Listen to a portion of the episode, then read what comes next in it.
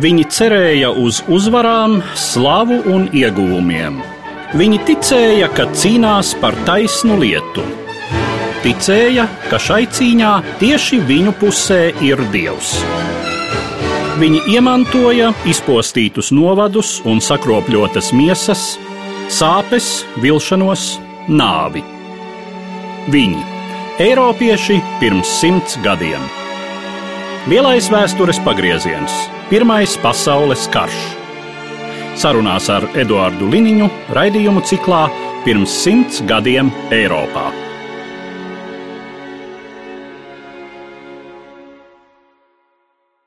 Labdien, cienījamie klausītāji! Šodien, turpinot sarunas par Pirmo pasaules karu, mēs pievēršamies notikumiem Austrumu frontē 1915. gada pirmajā pusē.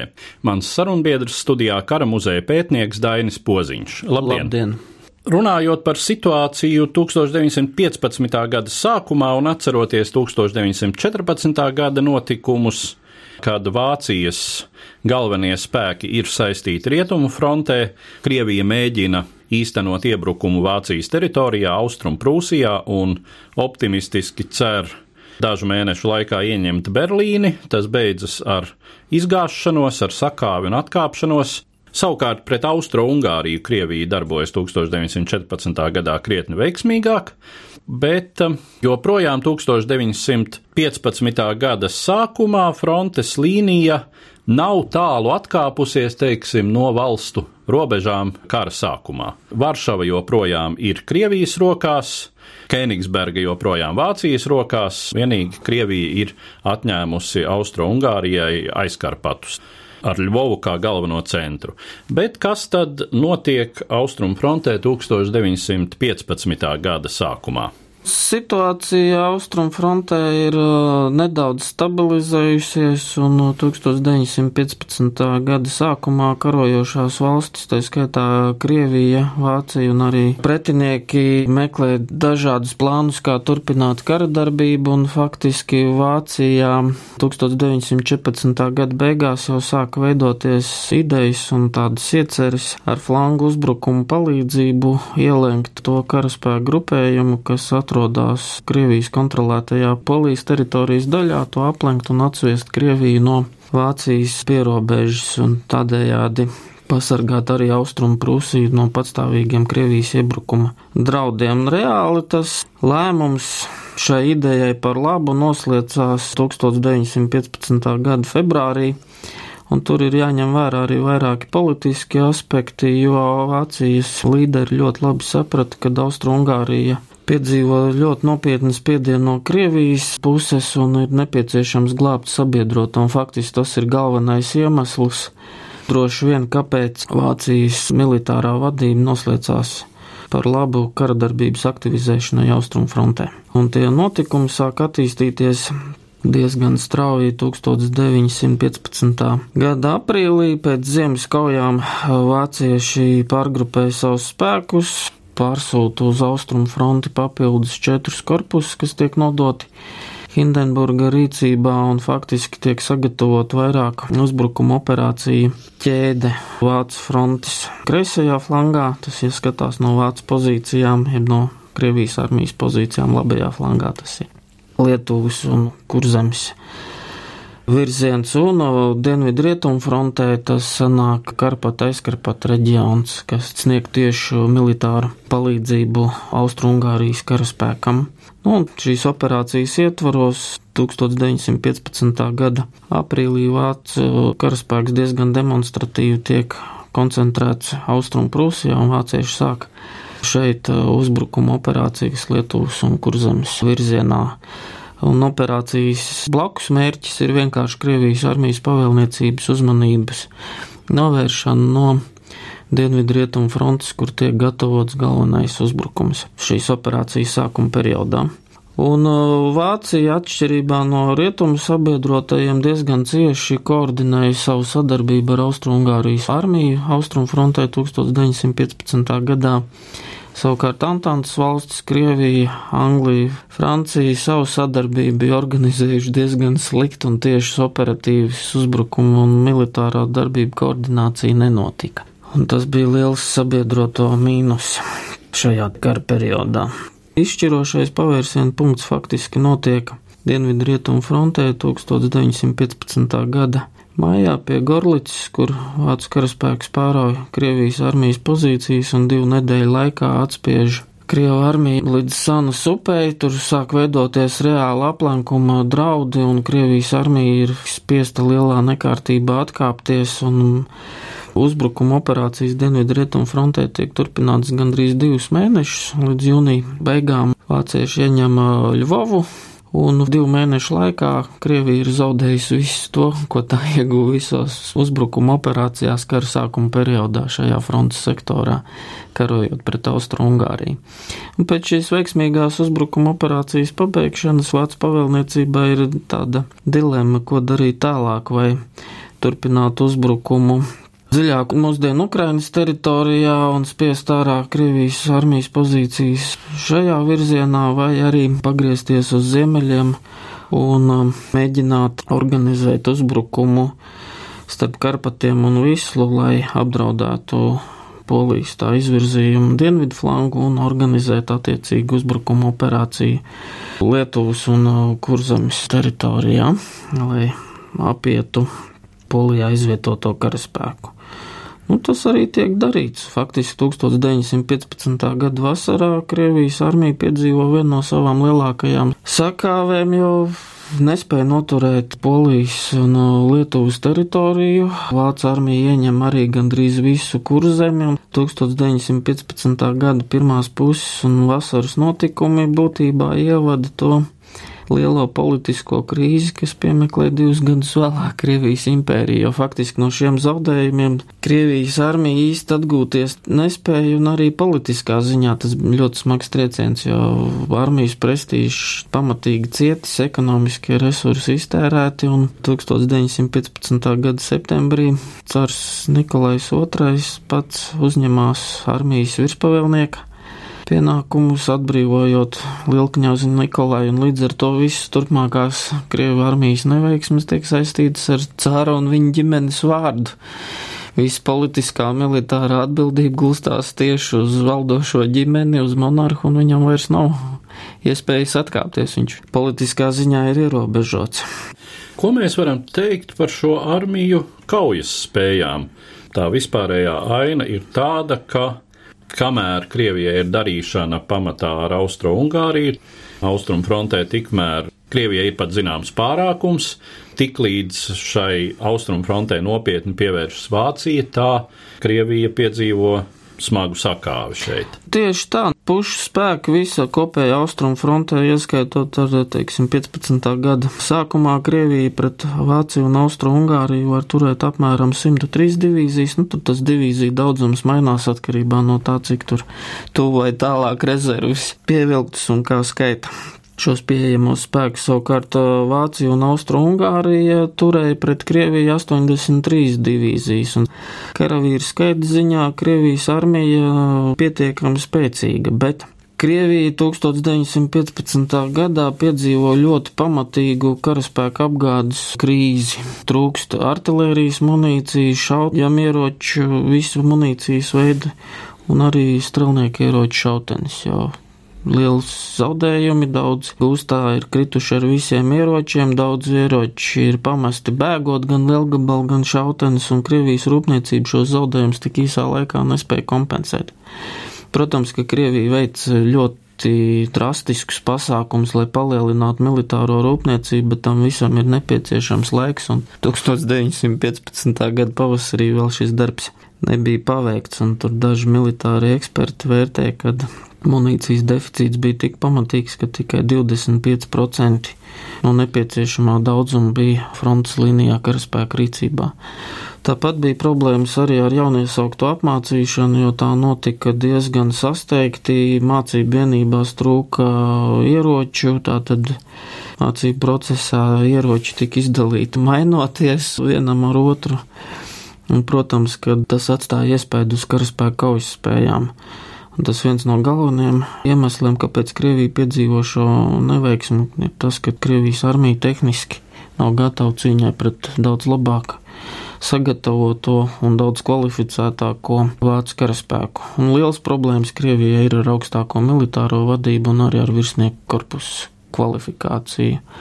Ir izteikts karaspēku vadības problēmas. Koordinācija ir slikta starp vienībām, līdz ar to nemākulība tiek kompensēta ar lieliem dzīvā spēku zaudējumiem un teritoriju. Teiksim, plašā teritorija deva iespēju manevru brīvību, ir zona, kur atkāpties, bet politiski un geogrāfiski tas neizskatās smuki, kad tik lielas teritorijas tiek zaudētas. Paraugoties vēsturē, kur mēs varam saskatīt šīs militārās tehniskās atpalicības iemeslus. Mēs zinām, protams, ka Krievija nav tā industriāli attīstītākā valsts, tajā pašā laikā tā ir viena no lielvalstīm, kas karo visu 19. gadsimtu.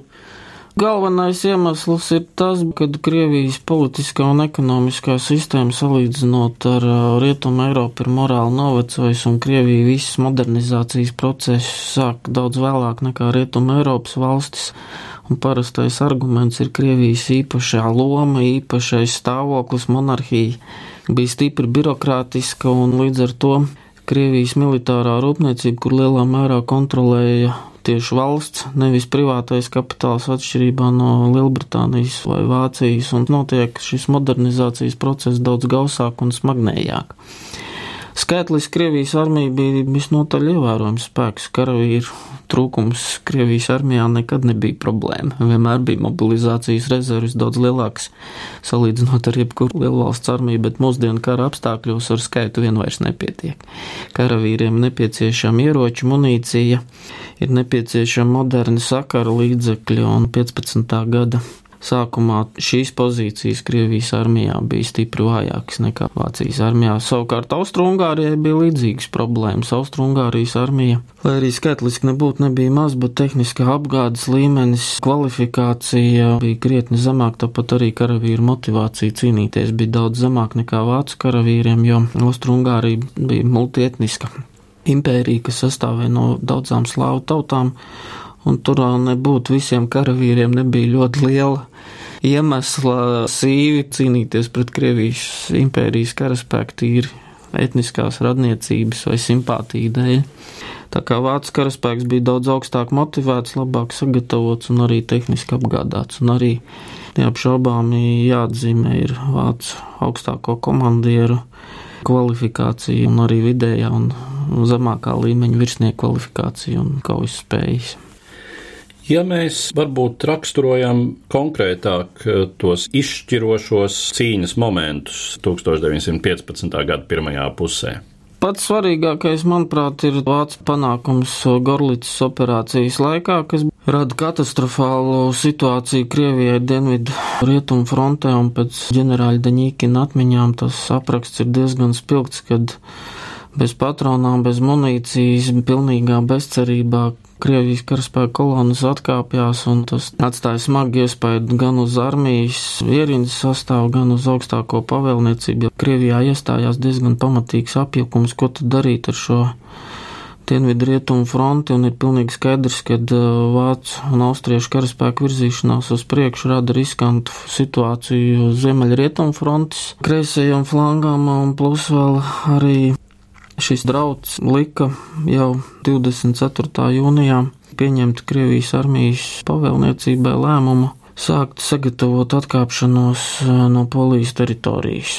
Un tiklīdz vācieši aktivizēja savu uzbrukuma operācijas jūlija vidū, tā arī ir skaidrs, ka šis lēmums bija saulēcīgs, un nu, tas ir būtībā vienīgais, kas arī izglāba Krievijas armiju no totālas katastrofas. Viņiem vienkārši nebija citas izvēles, kā atkāpties. Čorni, vorra.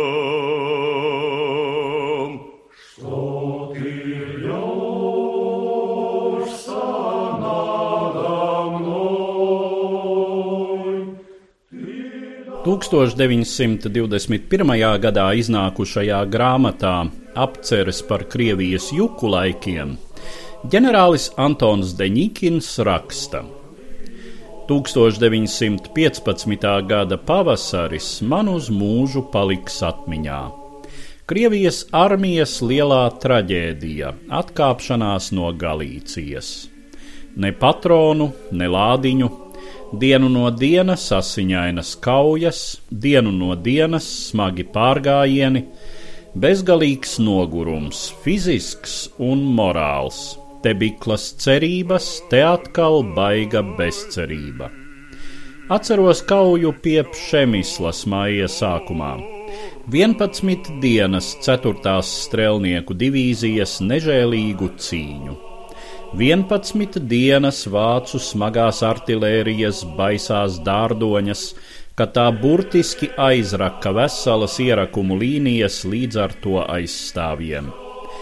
Mēs tikpat kā neatbildējām, nebija ar ko. Līdz pēdējam novājinātie pulki atsita vienu uzbrukumu pēc otra, ar durkļiem vai šaujot tiešā tēmējumā, lija asinis, mūsu rindas retojās, vairojās kapu kopiņas. Divi pulki teju iznīcināti, ar artilērijas uguni vien. Godājamie franči un angļi, jums, kas esat sasnieguši neticamu tehnisku līmeni, Būs interesanti uzklausīt šādu neiedzīgu faktu no krievu dzīves īstenības. Kad mūsu vienīgajai sešcolu baterijai pēc trīs dienu klusēšanas beidzot pieveda 50 lādiņus, par to pa telefonu nekavējoties ziņoja visiem pulkiem, visām rotām, un visi strēlnieki līksmi un atviegloti uzelpoja.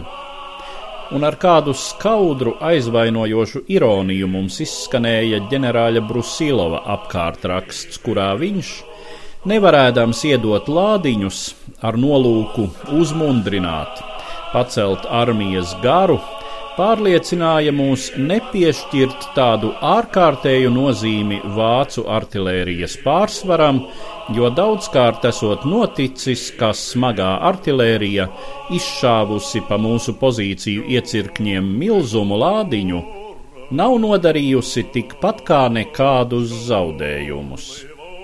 21. martā ģenerālis Januškevičs ziņoja kara ministram. Šemislas evakuācija ir noticis fakts. Brusilovs atrunājas ar patronu trūkumu, šo manu un jūsu mūžīgo biedu. No visām armijām skan vaimanas, dodiet mums patronas! Jā,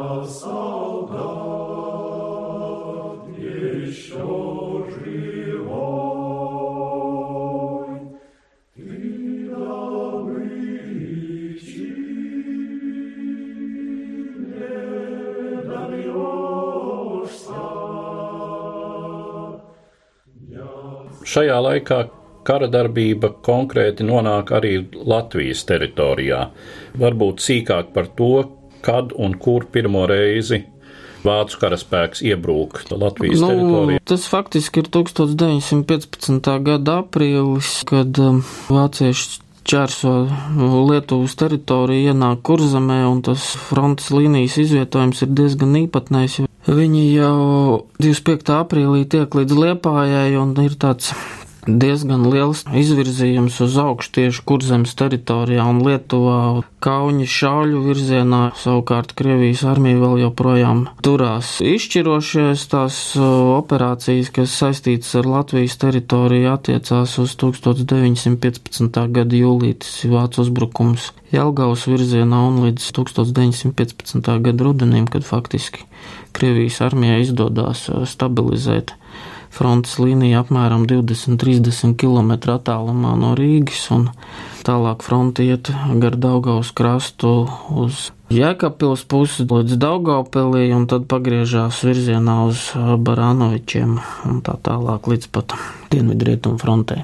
Frontes līnijas aizmugurē šīs vācu uzbrukuma operācijas laikā arī notiek ļoti nozīmīgas lietas, jo No kurzemes sākās masveida bēgļu kustība. Bēgļi dodas masveidā prom no kurzemes un savukārt Rīgā tiek uzsākta 1915. gada vasarā masveidīga rūpniecības uzņēmumu un strādnieku evakuācija uz iekškrievijas rajoniem. Daudz pieminekļu, kas saistās ar Krievijas impērijas vēsturi, tie, kas redzam Rīgas centrā, pazūd tieši šajā laikā šīs evakuācijas rezultātā. Tā ir viena no tādām redzamām zīmēm, ko katrs pilsētas apmeklētājs varēja tūlīt pamanot, ienākot Rīgā, Rīgas centrā, kad daudzie pieminekļi pazuduši. Protams, ekonomiski svarīgākais tas, ka tādi uzņēmumi kā Ruso, Balt, Union un visi citi tiek kopā ar visiem strādniekiem aizvest prom uz Krieviju. Jūs jau pieminējāt eh, ģenerāļa Ģeņīkina atmiņas, un eh, tas priekšstats, kas ir par šo lielo atkāpšanos, iezīmējis tāds diezgan ekstrēms vērtējums vai nu Krievijas militārās un politiskās vadības stratēģiska pārdomāta atkāpšanās atvelkoties teritorijas iekšienē, lai iegūtu laiku. No otras puses, vērtējums, ka lielā mērā tā ir haotiska un neizbēgama bēgšana tā ir bēgšana, un daudzos gadījumos ģenerāļiem par organizētu atkāpšanos ir jārunā, lai viņi neizskatītos galīgi nemākuļi, bet reāli, teiksim, Dienvidu rietumfrontes gadījumā tas ir ļoti daudzās situācijās. Diezgan haotiska atkāpšanās, ka daudz Krievijas armijas karavīri krīt gūstā, ir pat vērtējumi, ka dažas kaujas epizodēs burtiski dienas laikā 50 līdz 60 tūkstoši Krievijas armijas karavīri padodās gūstā, ir pamest daudz ieroči,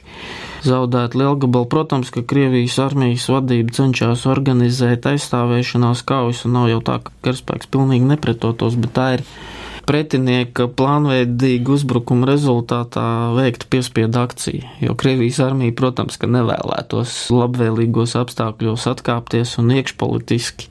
Šī atkāpšanās atstāja diezgan smagas sekas gan uz morālo noskaņojumu karaspēkā, Un faktiski Krievija no šī 15. gada neveiksmēm tā īsti nemaz neatgūstās.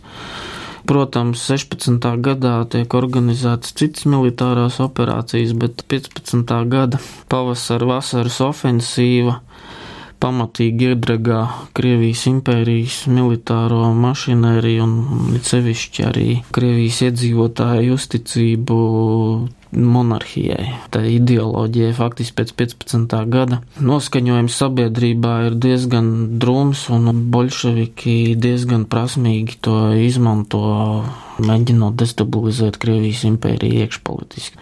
Saspīlējums aug, Turpmākajā kara periodā, neskatoties uz to, ka Krievijas rūpniecība atgūstās un pārorientēja ražošanu, armijas apgāde uzlabojās, arī sabiedrotie rietumfrontē darbojās efektīvi, bet kopumā sabiedrība atrodas diezgan smagā psiholoģiskā un arī ekonomiskā situācijā. Tas ekonomiskais stāvoklis Krievijā turpina grimt, un 15. gads ir tieši tā robeža šķirtne, kas faktiski pārlauž mugurkaulu Krievijas ekonomikai un tai politiskajai sistēmai.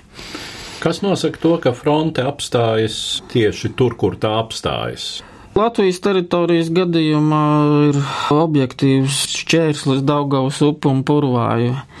No Vācijas karaspēka viedokļa frontes līnija aptur tas, ka tomēr Krievijas armija mēģina organizēt to pretestību Vācijas karaspēkam. Izstiepjās komunikācijas ir grūtāk apgādāt karaspēku un nav izdevies realizēt to operāciju sākotnējo mērķi izšķiroši sakaut un ielenkt Krievijas armiju Polijas teritorijā, bet savukārt No taktiskā viedokļa vācu uzbrukums ir visnotaļ veiksmīgs. Iekšpolitiski Krieviju ir izdevies destabilizēt, un tieši e, uzbrukuma draudi Vācijas robežām Austrumprūsijā ir pilnīgi un absolūti novērsti līdz pat kara beigām. Tā kā neapšaubām no Vācijas viedokļa 1915. gada kampaņa ir visnotaļ veiksmīga Austrumfrontē. Paradoks ir tas, ka šī 15. gada pavasara vasaras uzbrukuma rezultātā izveidojusies frontes līnija faktiski ar nelielām izmaiņām saglabājās no Baltijas jūrai līdz pat Rumānijas teritorijai, gandrīz līdz pat Krievijas impērijas politiskajam kolapsam 17. gadā. Tur liela būtiska pārmaiņa. No tā līnija apmēram tā arī iet līdz pat revolūcijas laikam Krievijā, kad tur jau sāk darboties pilnīgi cita situācija un kāpēc Krievijas armijas spiest turpināt atkāpšanos. Cik nozīmīgas ir šīs zaudētās teritorijas Krievijas impērijai? Polija ir viens no attīstītākajiem Krievijas rūpniecības rajoniem. Varšava ir liela pilsēta, un, protams, ka tas bija zaudējums Krievijas ekonomikai. Tāpat arī Kurzemē, Latvijā bija pietiekami augsts ekonomiski attīstīts reģions gan lauksaimniecības ziņā, un Rīga ir viena no lielākajām rūpniecības pilsētām Krievijas impērijā, un šo rūpniecības uzņēmumu evakuācija prasa laika resursus, kamēr šīs rūpnīcas uzsāks darbu kaut kur iekškrievijā. Tas ir zaudēts laiks zaudētu produkciju un, un tie ir ekonomiskie zaudējumi. Tā kā neapšaubām šīs teritorijas bija nepatīkami zaudēt. Un kādu iespēju tas atstāja uz vispārējo Pirmā pasaules kara gaitu, uz tālākajām norisēm? Rietumu frontē. Rietumu sabiedrotie 15. gadā vasarā ir diezgan uztraukti par stāvokli austrumu frontē, un tieši šie notikumi piespiež lielākā mērā veikt pasākumus turpmākai militāro pūļu koordinēšanai, un, teiksim, 1916. 17. gadā jau ir mazliet cita situācija Antantas valstu starpā, un tomēr, zinām, mēģinājumi saskaņot sabiedroto darbības frontē tiek veikti 15. gadā nekā tāda nav. Stratēģiskā ziņā kopumā Vācija no šī uzbrukuma neko daudz neizguva. Krievija no kara neizstājās, un tas joprojām palika resursu novājināšanas karš. 15. gads nebūtu nevienai no pusēm nerādīja gaismu tuneļa galā un nebija skaidrs, kā tad īsto uzvaru sasniegt, un tas pozīcija kara strupceļš izveidojās arī lielā mērā austrumfrontē, līdzīgi kā tas bija rietumos arī pēc šiem veiksmīgiem uzbrukumiem Vācija, Krievija viens pret otru vairs ļoti plašu mērogu strateģiskas operācijas nemaz vairs necentās veikt. Tās, kas te notika faktiski no Pirmā pasaules kara mēroga skatoties, tās ir taktiskas operācijas ar ierobežotiem rezultātiem. Puses vienkārši centās vienu otru novājināt, saistīt pēc iespējas lielākus spēkus, traucēt. 16. gadā jau nākamā gadā lielās militārās uzbrukuma operācijas notiek Rietumfrontē un Vācu armija cenšas novājināt vispirms Frančus un Lielbritānijas karaspēku, un tad jau faktiski tīri apzināti tiek izvēlēta pretinieka novājināšanas taktika, lai piespiestu armijas noasiņot, zaudēt dzīvā spēka resursus, un tas jau ir acīm redzam, ka galvenais tas vācu virziens akcents uz rietumfronti. Un Krievija paglāb tikai tas, ka Krievija ir liela, teritorija ir plaša un manevru brīvība ļauj novērst pilnīgi Krievijas armijas kolapsu un, un aplenkšanu. Viņi vienkārši mēģina pārkārtot savu ekonomiku karu vajadzībām un turpināt karu. Līdz ar to arī Krievija nebūtu netaisījās pēc 15. gada neveiksmēm izstāties no kara un viss notaļ bija armijas vadība un politiskā vadība, un pats monarhs pārliecināts, ka uzvara ir iespējama karā. Tā kā 15. gads nekādu lūzumu kopumā kara darbībā neizraisīja. Karš turpinājās ar vēl lielāku neatlaidību nekā iepriekš. Par norisēm, ko šie notikumi izraisa Latvijas teritorijā, mēs sīkāk runāsim citā raidījumā, bet eh, iezīmējot to, ko tad eh, šis vācu uzbrukums ziemeļaustrumu virzienā nozīmēja šo teritoriju iedzīvotājiem un konkrēti latviešiem. Vācu ieņemtajās teritorijās tiek izveidotas speciālas pārvaldes institūcijas, Oberost pārvaldes sistēma, tas ir Vācu virspavēlnieka kontrolēta teritorija, un, protams, ka Vācija no ieņemtajām teritorijām centās iegūt visus iespējamos ekonomiskos resursus karadarbības turpināšanai. Tie kurzemes iedzīvotāji, kas bija palikuši, protams, ka jūtas šo vācu okupācijas varas iestāžu spiedienu, tās uzraudzīs iedzīvotāju noskaņojumu, tātad nevarēja brīvi runāt un pļāpāt, kas ienāk prātā. Nu, nevarētu gan teikt, ka Krievijas impērijā līdz nu, tas ir, jebkurā militārā situācijā šādi ierobežojumi pastāv plus dažādas nodevas, tā teikt, vācieši kontrolēja sevišķi lauksaimniecības produktu plūsmu, koku materiālu plūsmu un vēl strādājošos uzņēmumus centās maksimāli izmantot Vācu armijas vajadzību nodrošinājumu. Kurzemē iedzīvotāju skaits samazinājās ļoti dramatiski pēc 1915. gada. Ja pareizi atceros, tur pēc vācu uzskaits datiem apmēram 245, 250 tūkstoši cilvēku varētu būt palikuši. Kurzemē, tā kā tas ir ievērojami mazāks skaits nekā pirms šī uzbrukuma. Tā kā Vācija arī nav sevišķi daudz, ko tur izspiest no kurzemniekiem, nav vienkārši tik daudz to cilvēku. Protams, ka Latvijas sabiedrībā, zinot, kādas ir attiecības starp zemniekiem, vācu mužniecību un visu to, kas notika 5. gadā, protams, kad ir lielas aizdomas par Vācijas ietekmes nostiprināšanos un vācu mužnieku varbūtējo pozīciju nostiprināšanos. Un, protams, ka prokrieviski politiķi vai arī diezgan latviski nacionāli noskaņot politiķi bija ieinteresēti nepieļaut lai kurzem nonāktu ilgstošā Vācijas okupācijā. Un, protams, no emocionālā viedokļa daudz latvieši labprāt stājās pēc tam latviešu strelnieku bataljonos tieši ar šādu motivāciju, lai nepieļautu. Vācu ienākšanu nostiprināšanos Latvijas teritorijā. Un tas arī tiek izmantots kara propagandā. Protams, ka Krievijas impērijas varas iestādes šo noskaņojumu izmantoja, un tas strādāja tajā konkrētajā situācijā par latviešu strēlnieku vienību veidošanos un bēgļu situāciju un vispār norisēm Latvijā mēs runāsim sīkāk mūsu turpmākajos raidījumos, bet par šo sarunu, kas bija veltīta norisēm Austrumu frontē 1915. gada pirmajā pusē, es saku paldies manam sarunbiedram, kara muzeja pētniekam Dainim Poziņam. Ticība un cerības, vilšanās un nāve Zaudējumi un ieguvumi pirms simts gadiem Eiropā. Raidījumā šīs dienas acīm sarunājamies par Pirmo pasaules karu.